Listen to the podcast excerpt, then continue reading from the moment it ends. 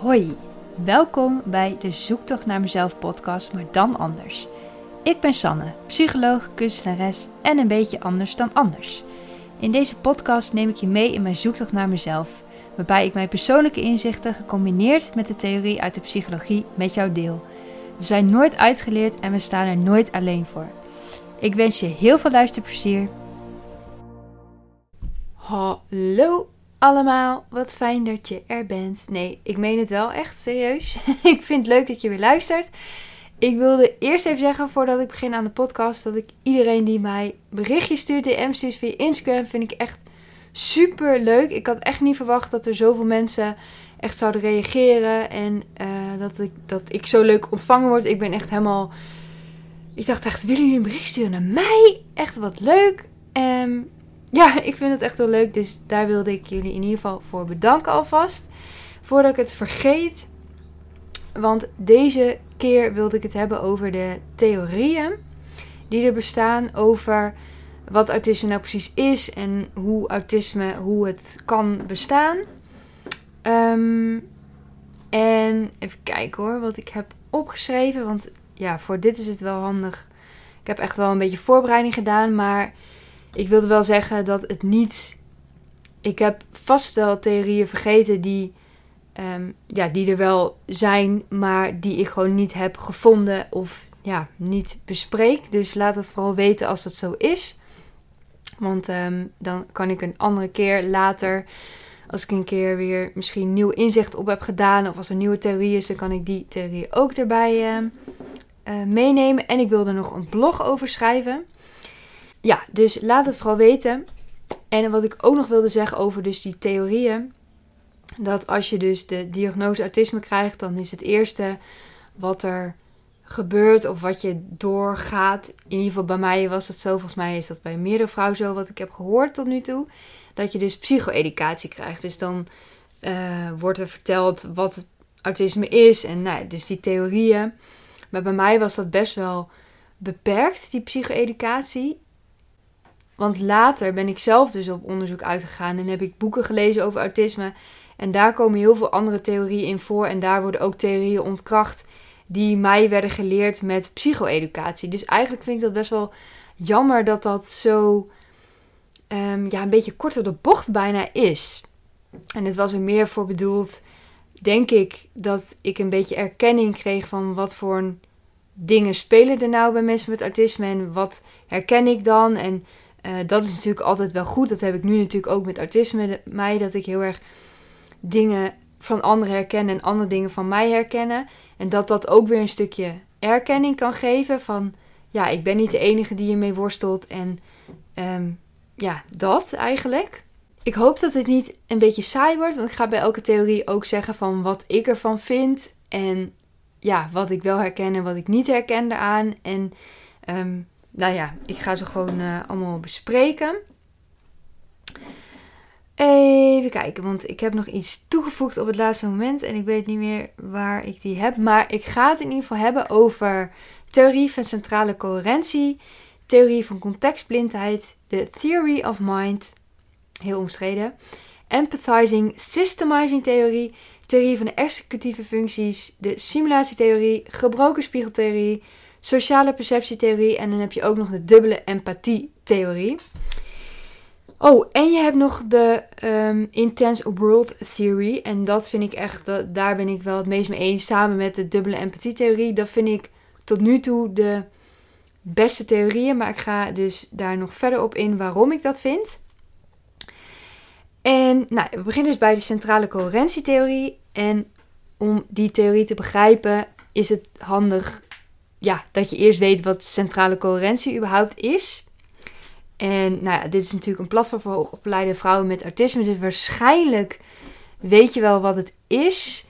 Maar ja, voor de duidelijkheid ga ik toch even een beetje uitleggen.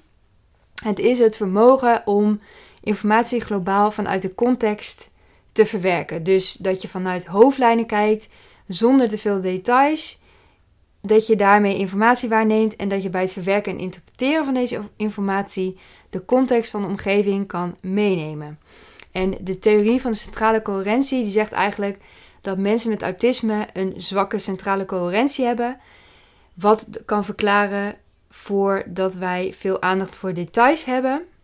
Dat, het, dat de context soms moeilijk wordt betrokken bij bepaalde dingen. Dus dat je te veel of juist helemaal niet erbij wordt betrokken. Dus dat je denkt dat iets in een bepaalde context mag en dat je dat dan doortrekt dat iets gewoon altijd mag. Nou, dat is een beetje kort de bocht zwart-wit, maar dat is een beetje wat het uh, betekent of wat, wat deze theorie eigenlijk zegt. En dat je daardoor dus ook soms reacties kunt geven die neurotypische mensen niet begrijpen, omdat zij dus een andere manier van denken hebben. Maar wat ik dus heb gevonden, en ik herken dit namelijk ook helemaal niet bij mezelf, is dat hoogfunctionerende mensen met autisme, dat die juist eigenlijk geen zwakke centrale coherentie hebben. Dus dat die ook gewoon een normale uh, centrale coherentie hebben. Dus die kunnen wel het totale plaatje zien en die kunnen wel de context meenemen, maar het zou dan meer moeite kosten om die context erbij te nemen en om niet al die losse details te zien. Dat zou dan meer moeite kosten. Bij neurotypische mensen gaat het dan meer vanzelf en onbewust. En bij mensen met autisme zou dat dan ja, meer analytisch of ja, meer denkvermogen voor nodig zijn eigenlijk. Ik herken het dus niet bij mezelf dat ik niet het grotere plaatje kan zien of dat ik niet weet wat voor context, wat je, ja, dat je niet bijvoorbeeld moet gaan lachen op een begrafenis. Dat snap ik ook wel, dat soort dingen. Ik heb geen gekke, ik kan niet herinneren dat ik in bepaalde contexten echt ongepaste uh, reacties had. Um, wat ik het enige wat ik wel kan in, ja, wat ik wel heb ervaren van mezelf, is dat ik me soms wel druk kan maken over hele kleine dingen. Dus, dus die details die ik dan zie, wat die andere mensen dan niet misschien zien. En waar mijn omgeving dus inderdaad ja, ook helemaal niet de belangrijkheid van inzien. Maar dat ik dat dus heel belangrijk vind en dat ik me daarop focus. Dus ik heb best wel lang nagedacht van ja, wat is er nou een voorbeeld van? En ik had het niet. ik had geen, geen, geen voorbeeld ervan. Van wanneer is dat nou? Volgens mij heb ik even kijken. Oh ja, nee, ik weet er wel een.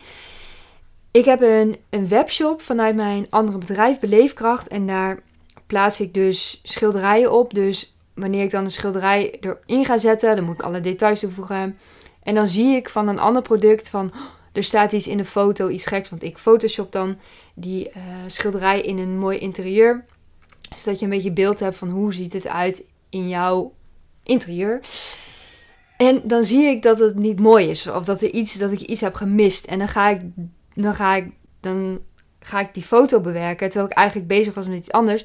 Maar dan focus ik me dus op de details. En dan ben ik twee uur bezig met het bewerken van die foto. Terwijl die eigenlijk al voor 99% goed was. Want waarschijnlijk ziet niemand die in die webshop komt, die ziet het waarschijnlijk niet eens. Dat het niet perfect is zoals ik het zou willen.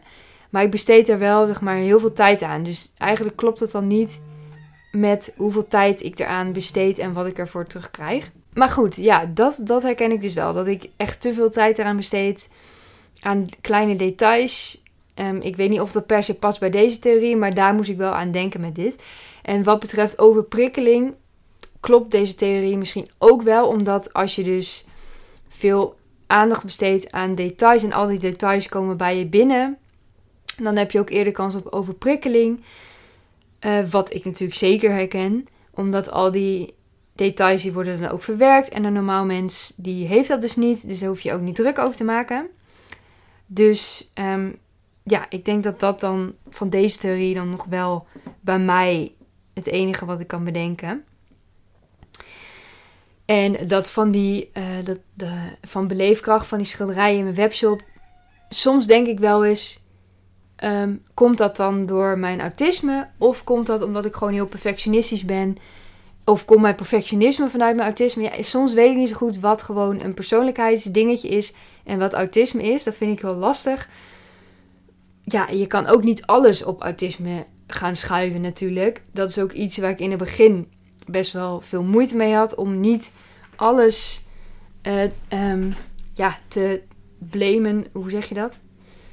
Dat alles te maken heeft met autisme. En dat ik, ja, dat is ook een beetje overdreven. Dus daar ben ik ook niet van. ja, het is jammer dat er nog niet echt een oorzaak is gevonden van waarom is deze theorie, waarom bestaat deze? In ieder geval, ik heb dat niet echt kunnen vinden, maar het is niet zo dat ik echt ehm, uren achter elkaar research aan heb gedaan, want mijn perfectionisme, ik probeer dus daar iets minder van te doen, dat ik door heb van, oh ja, het moet natuurlijk wel, ehm, de tijd die ik hier aan besteed moet natuurlijk niet enorm groot worden, want ja, wat schiet ik daarmee op? Want ja, met al die theorieën, het, ik denk dat je het meer moet gebruiken als een soort, ja, ik weet niet zo goed, als een soort herkenning van dingen. Oh ja, dat herken ik bij mezelf. En dat je dan ook milder naar jezelf kunt zijn van, oh ja, ik, ik merk dat ik hier last van heb. Of dat het me veel energie kost, of dat ik veel aandacht heb voor details. En dan weet je van, oh ja, oké, dat komt omdat mijn hersenen gewoon anders werken dan kun je misschien ook milder tegen jezelf zijn van ja, het is wat het is. En ja, je kan wel proberen en willen dat je niet die details ziet, maar je ziet het toch. Je kunt dat heel moeilijk voorkomen, omdat dat gebeurt natuurlijk ook bijna automatisch bij ons. Dat je dus misschien meer aandacht voor details hebt. Dus ja, dat is misschien meer wat je met die theorieën moet doen en niet ja, het moet niet een stigmatiserend iets worden. Dus daar, ja, dat had ik in het begin best wel. Ook met mijn psycho-educatie van. Ja, het was gewoon best wel beperkt wat er aan mij werd gegeven voor informatie. En ja, vind ik wel jammer eigenlijk. Um, ja, dat heb ik ook wel. Ik heb volgens mij niet zo specifiek aangegeven, maar ik heb wel gezegd van um, dat het beter kan. Dus volgens mij waren ze ook wel mee bezig hoor, met het herschrijven van de um, psycho-educatie. Dus nou ja, wie weet is het voor nieuwe uh, cliënten alweer anders.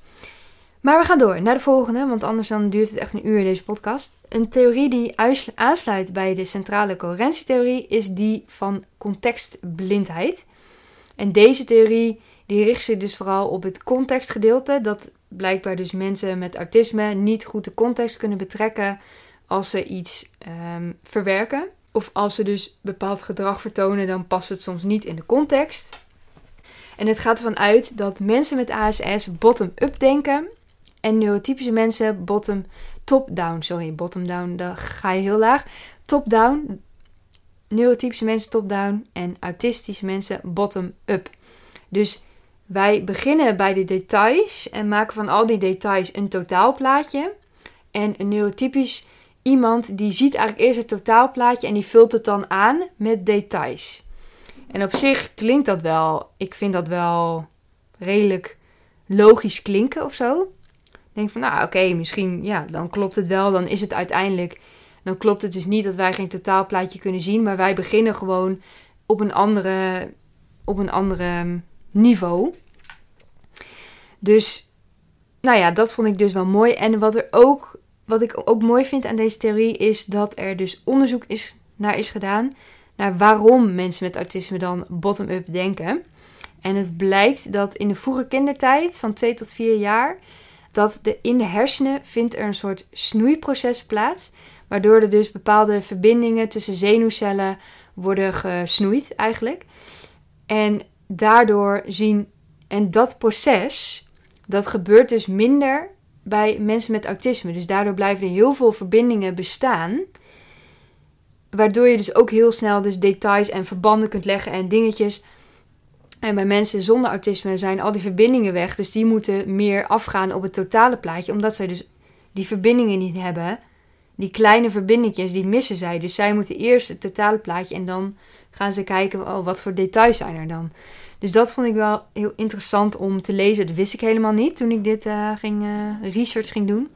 Deze theorie is dus, past dus ook heel goed bij de overprikkeling. Doordat al die verbindingen er nog zijn, komt er via die verbindingen natuurlijk ook informatie binnen. Wat dus weer voor overprikkeling kan zorgen. Sneller dan bij een neurotypisch iemand. En een grappig weetje die ik hierover vond was dat...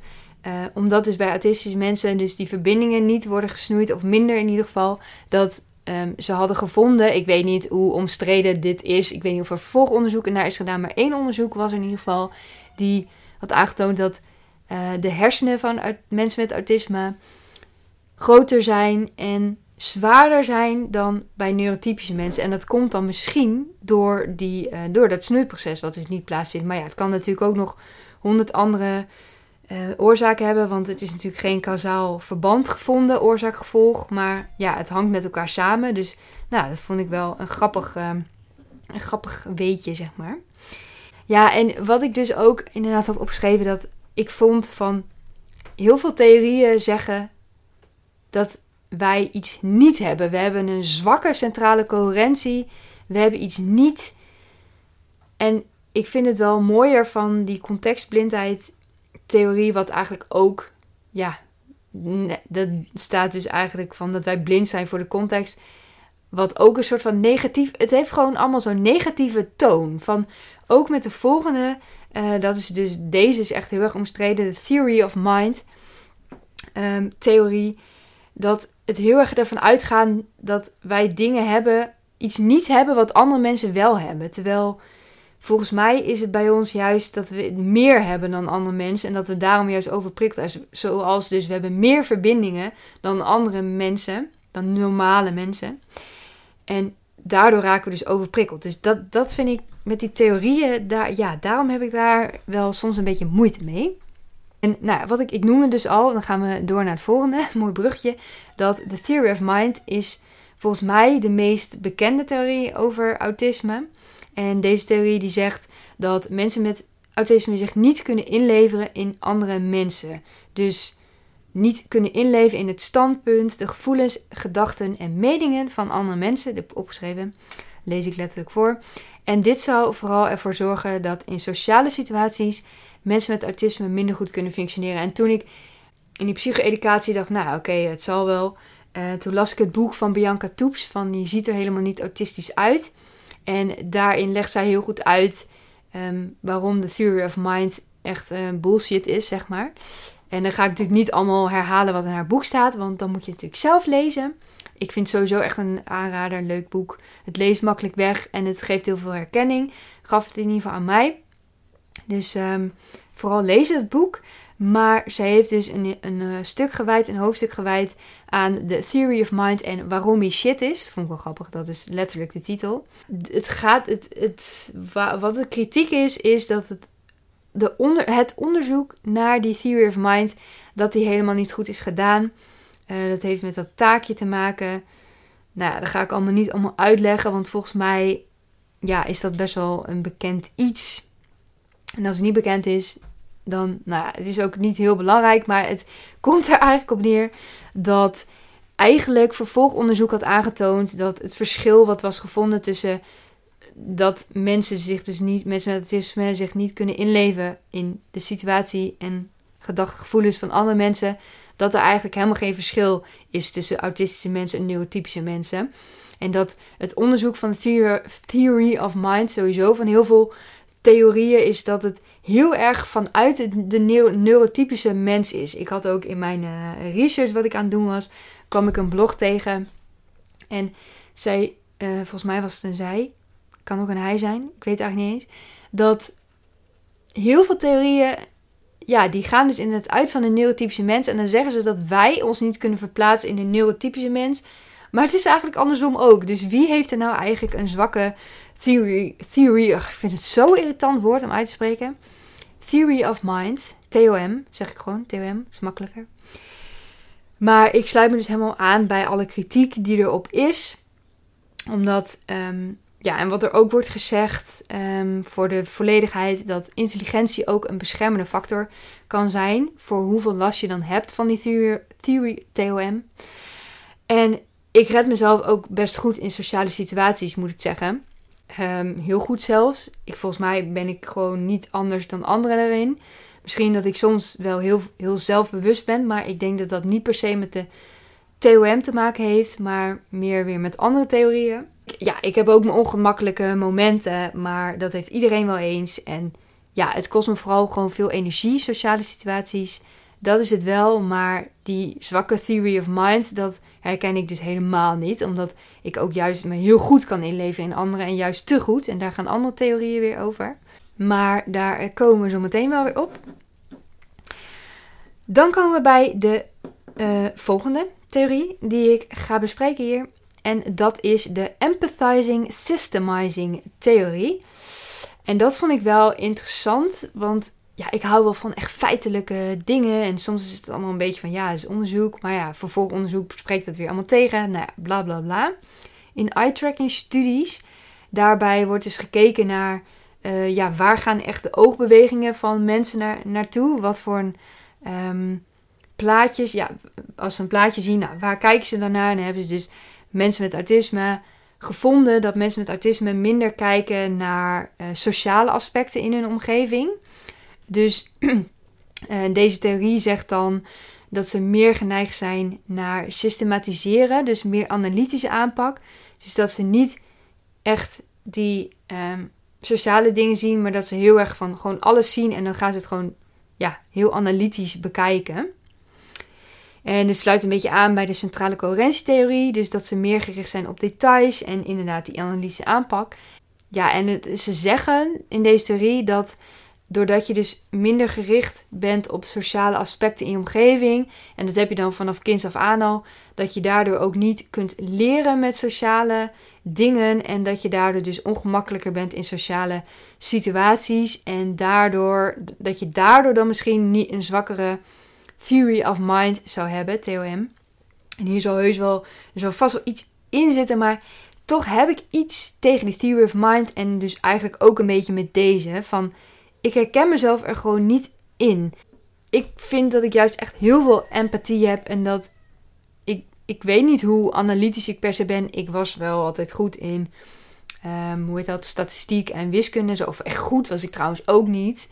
Ik, ik ben niet hoogbegaafd of zo. Ik ben gewoon uh, normaal, volgens mij. Ja, misschien niet. Nee, oké, ik heb wel master gedaan, maar het is niet dat ik echt hoogbegaafd ben, dat ik mega slim ben. Ik, is, soms dan denk ik juist van ik over um, sommige, ja, soms denk ik, ik kan wel goed leren, maar volgens mij weet ik echt, uh, ben ik echt gewoon best wel dom af en toe. Maar um, ja, ik vind juist dat ik mezelf dus te veel inleef in anderen. En toen zat ik later te denken, oh, misschien is dat een soort overcompensatie. Ik weet niet zo goed wat het is, maar goed. We gaan door naar de volgende theorie. En dat is de theorie van executieve functies. En Onder executieve functies vallen het genereren van nieuwe ideeën en gedrag, planning, cognitieve flexibiliteit, dat zijn de vaardigheden om een plan aan te passen als dat nodig is, inhibitie, dat is het onderdrukken van bepaald gedrag, en emotieregulatie, dus hoe je omgaat met jouw emoties. En volgens deze theorie van de executieve functies gaat dit allemaal helemaal mis bij mensen met autisme.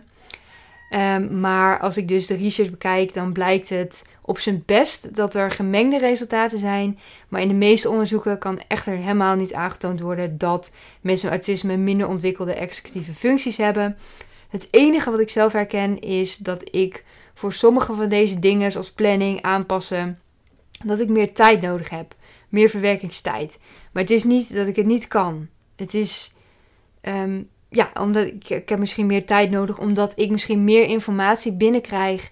Ik moet dus meer verwerken en daardoor duurt het gewoon iets langer voordat ik dingetjes, ja, als dingen veranderen, dat ik dat dan mezelf daar kan aan kan passen. Uh, en het enige wat ik wel heel goed herken is de emotieregulatie. Het herkennen van je eigen emoties en het blijven hangen in emoties.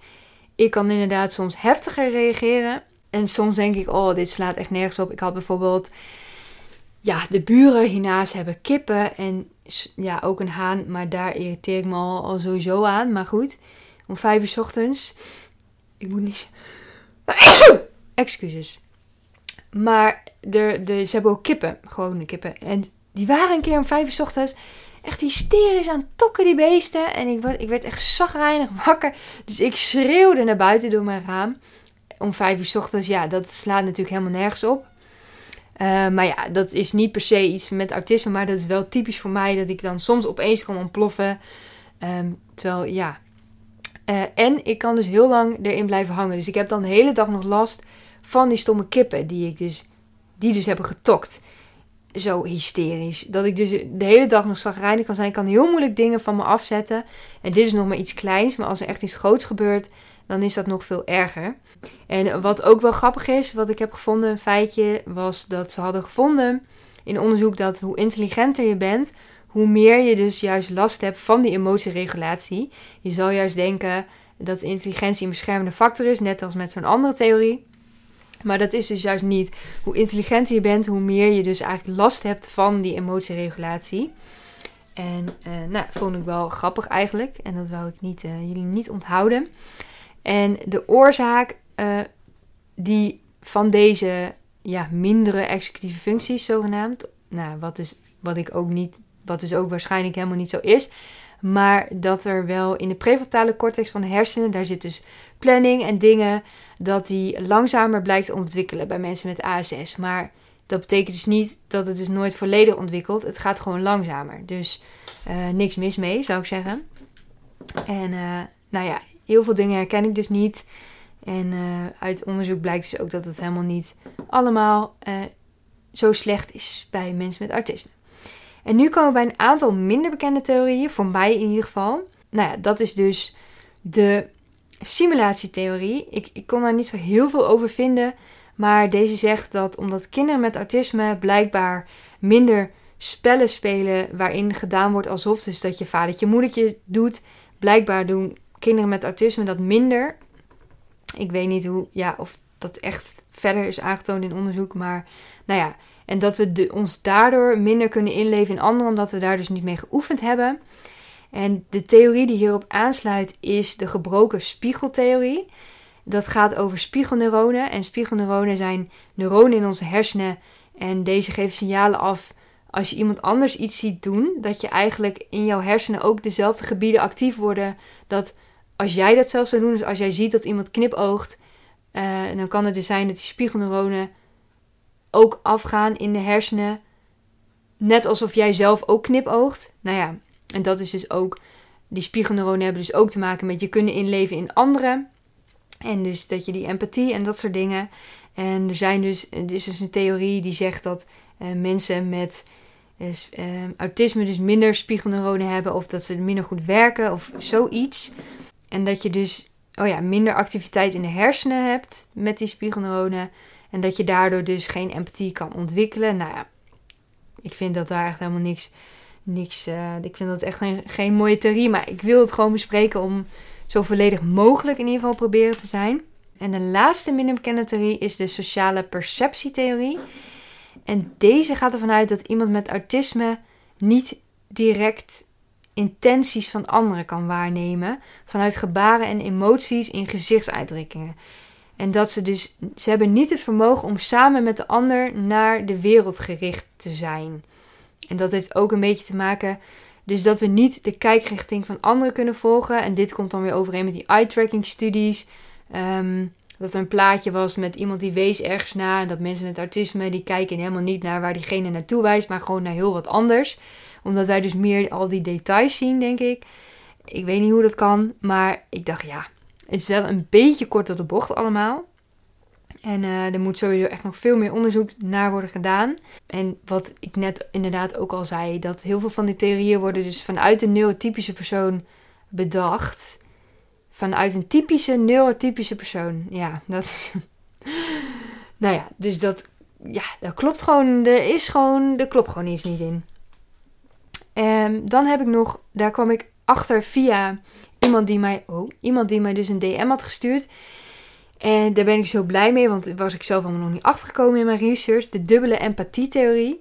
En deze zegt dat mensen met autisme juist meer empathie hebben dan neurotypische mensen. En dat sociale interacties daardoor ook juist heel overweldigend kunnen zijn. En ook je eigen reactie. Omdat je zoveel um, te verwerken krijgt dat je, dat je daardoor ook moeilijk weet van hoe moet je nou reageren. En het is ook opvallend, wat ik ook dus vond bij deze theorie is dat autisme, mensen met autisme onder elkaar kunnen prima met elkaar communiceren en neurotypische mensen kunnen met elkaar prima communiceren. Maar als je dus een autist en een neurotypisch, dan gaat er iets mis. En dat heeft dus ook een beetje te maken met die dubbele empty, dat je, je snapt elkaar niet, zeg maar. ja, nou ja. Dus op zich vind ik deze uh, theorie, die vind ik ook wel weer passen bij, ik weet niet eens meer welke theorie, want het zijn er zoveel. Maar dat er dus dat je juist iets, van iets meer hebt. Dus dat je, ja, het is gewoon heel overweldigend omdat je alles bij ons binnenkomt. Het is niet dat we expres ja, dingen niet doen of dingen. Ja, dat vind ik zo uh, stigmatiserend. En de laatste theorie, eindelijk zijn we bij het eind, is de Intense World Theory. En die is onder andere heel goed. Dat is ook de theorie waar Bianca Toeps helemaal fan van is in dat boek. Van je ziet helemaal niet autistisch uit. Dat dat onderzoek is gedaan door twee ouders van, volgens mij hebben ze een zoon met autisme.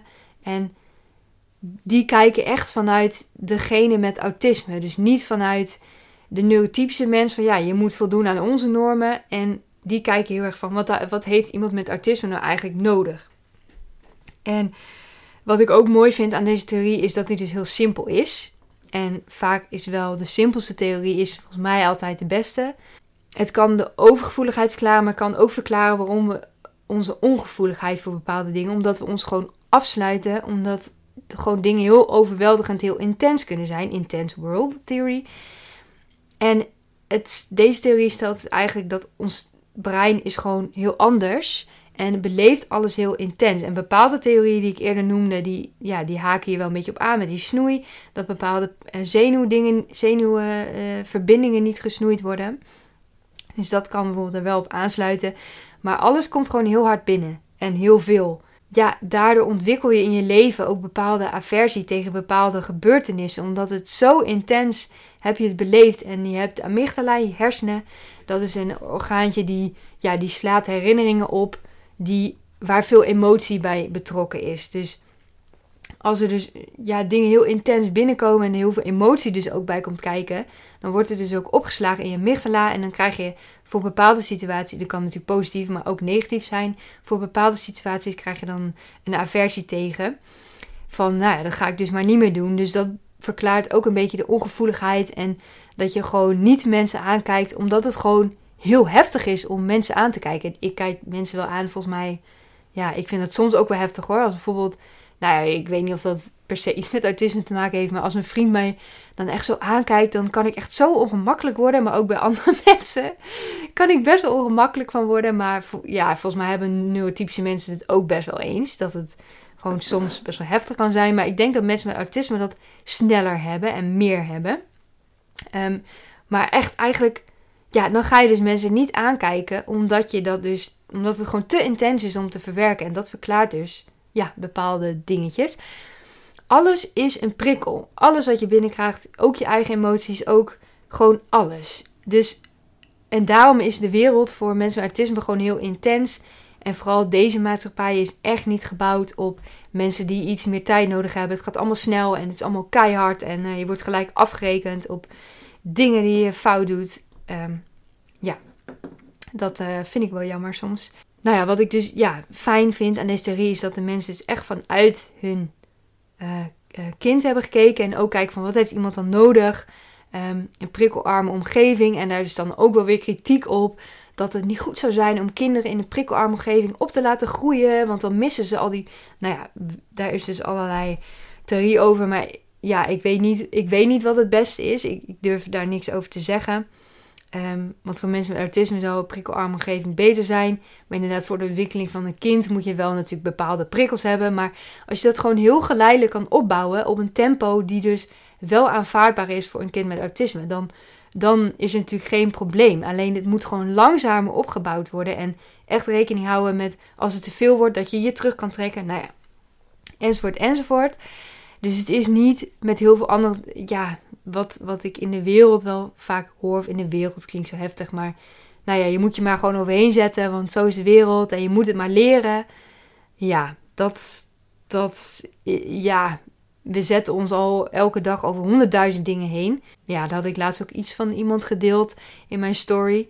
Stories van, uh, ja, we moeten ons al elke dag uh, staande houden en het kost al honderd energie. Dus, nou ja, dus dat waar ik zeg maar deze podcast al mee begon, is die theorieën. Ja, je moet je soms ook eigenlijk helemaal niet, niks ervan aantrekken. Van inderdaad, die neurotypische mensen. Kijk, ze bedoelen het niet allemaal slecht. Maar soms denk je van, ja, jouw theory of mind, jij jouw TOM, die kan ook wel iets beter. Je kan je ook wel beter in, leven, in gaan leven in mensen met autisme. En ik weet ook niet hoeveel mensen er zijn die onderzoek, mensen met autisme, die onderzoek doen naar autisme. Ja, misschien zou dat ook serieus wel iets voor mij zijn. Dat ik daarbij betrokken raak of zo. Ik weet niet, ik zie dat wel een beetje voor me. Maar het is vooral misschien een stukje erkenning van pak uit de theorie van hé, hey, wat herken jij? En je, onze hersenen werken anders. Dat is één ding wat sowieso. Ja, dat is volgens mij sowieso wel een, een feit. Dat het gewoon anders werkt. En dat je dus ook milder naar jezelf mag zijn. Vooral van Ehm, ja, bepaalde dingen en ook een, soort, een stukje acceptatie. Dat voor mij vind ik heel lastig. Dat ik dus langzamer ben met bepaalde dingen. Of dat ik ja, soms iets meer tijd nodig heb. Ik vind het gewoon heel, irritant en vervelend. En dat ik soms dus die heftige emotionele reacties heb. En uh, van de week, uh, mijn beste vriend die vertelde aan mij van uh, ik ga een huis kopen. En toen werd ik helemaal verdrietig. Maar ook omdat ik echt heel blij van hem was. Echt heel, heel blij. Maar dan word ik zo overmand door emoties dan kan ik wel janken. Nou, dat, op een gegeven moment ging ik dat ook doen. Want ik werd ook geconfronteerd met iedereen omheen gaat dus een huis kopen. En ik zit hier bij mijn ouders. Uh, ja, daar word ik gewoon ook echt, dan word ik echt weer even geconfronteerd met... ik ben helemaal niet waar ik moet zijn. En er is natuurlijk uh, woningcrisis, woningnood. Dus het is sowieso, het is gewoon niet te doen om een huis te vinden. Vooral als je dus niet veel middelen hebt. Maar ja, daar werd ik wel echt helemaal van. En dan, ja, dan moet ik gelijk huilen. En uh, dan kan ik het heel moeilijk loslaten. Als, zelfs als ik het nu over vertel, voel ik al een beetje een brok in mijn keel. Maar ja, ik kan nu dus wel iets milder zijn naar mezelf. Van ja, oké, het, het is nou eenmaal zo. En focus op wat ik wel kan. En dat ik nu nog een proces en dat ik heel goed bezig ben met autisme en met mijn podcast. En dat het, het, ik kom er wel. Maar het, het duurt gewoon veel langer dan ik wil en dan ik zelf had gedacht. En Um, ja, dus een stukje acceptatie. En um, ja, het is allemaal niet raar wat je hebt. En ja, je hersenen werken anders. Nou, dat heb ik nu al tien keer gezegd. Maar het is niet zo dat we niet goed kunnen functioneren. Het is alleen soms dat ook de maatschappij er gewoon echt niet op is gebouwd. Ja, ik ben er gewoon voor dat we proberen, wij proberen ons in te leven in neurotypische mensen. En laat neurotypische mensen zich dan ook meer inleven in ons. En vooral dat samenwerken en elkaar respecteren en proberen mensen de ruimte te geven om zichzelf te zijn en ja, vooral mensen de ruimte te proberen te geven. Wij, ik probeer ook neurotypische mensen de ruimte te geven om hun snelle ding te doen en weet ik veel wat. Maar als zij dan ons en mij ook de ruimte willen geven om juist langzamer te doen, dat zal dan heel fijn zijn. Dus ik hoop dat dat een beetje de boodschap is die je hieruit haalt. En ik hoop dat je misschien iets geleerd hebt. En uh, mocht er dus inderdaad, mocht ik theorie hebben gemist, dan laat het ook vooral weten. En echt super, super bedankt voor het luisteren of kijken. Ik hoop dat je, de, uh, ja, dat je, dat je er wat aan hebt. En uh, nogmaals bedankt. En tot de volgende keer, denk ik dan. Doei!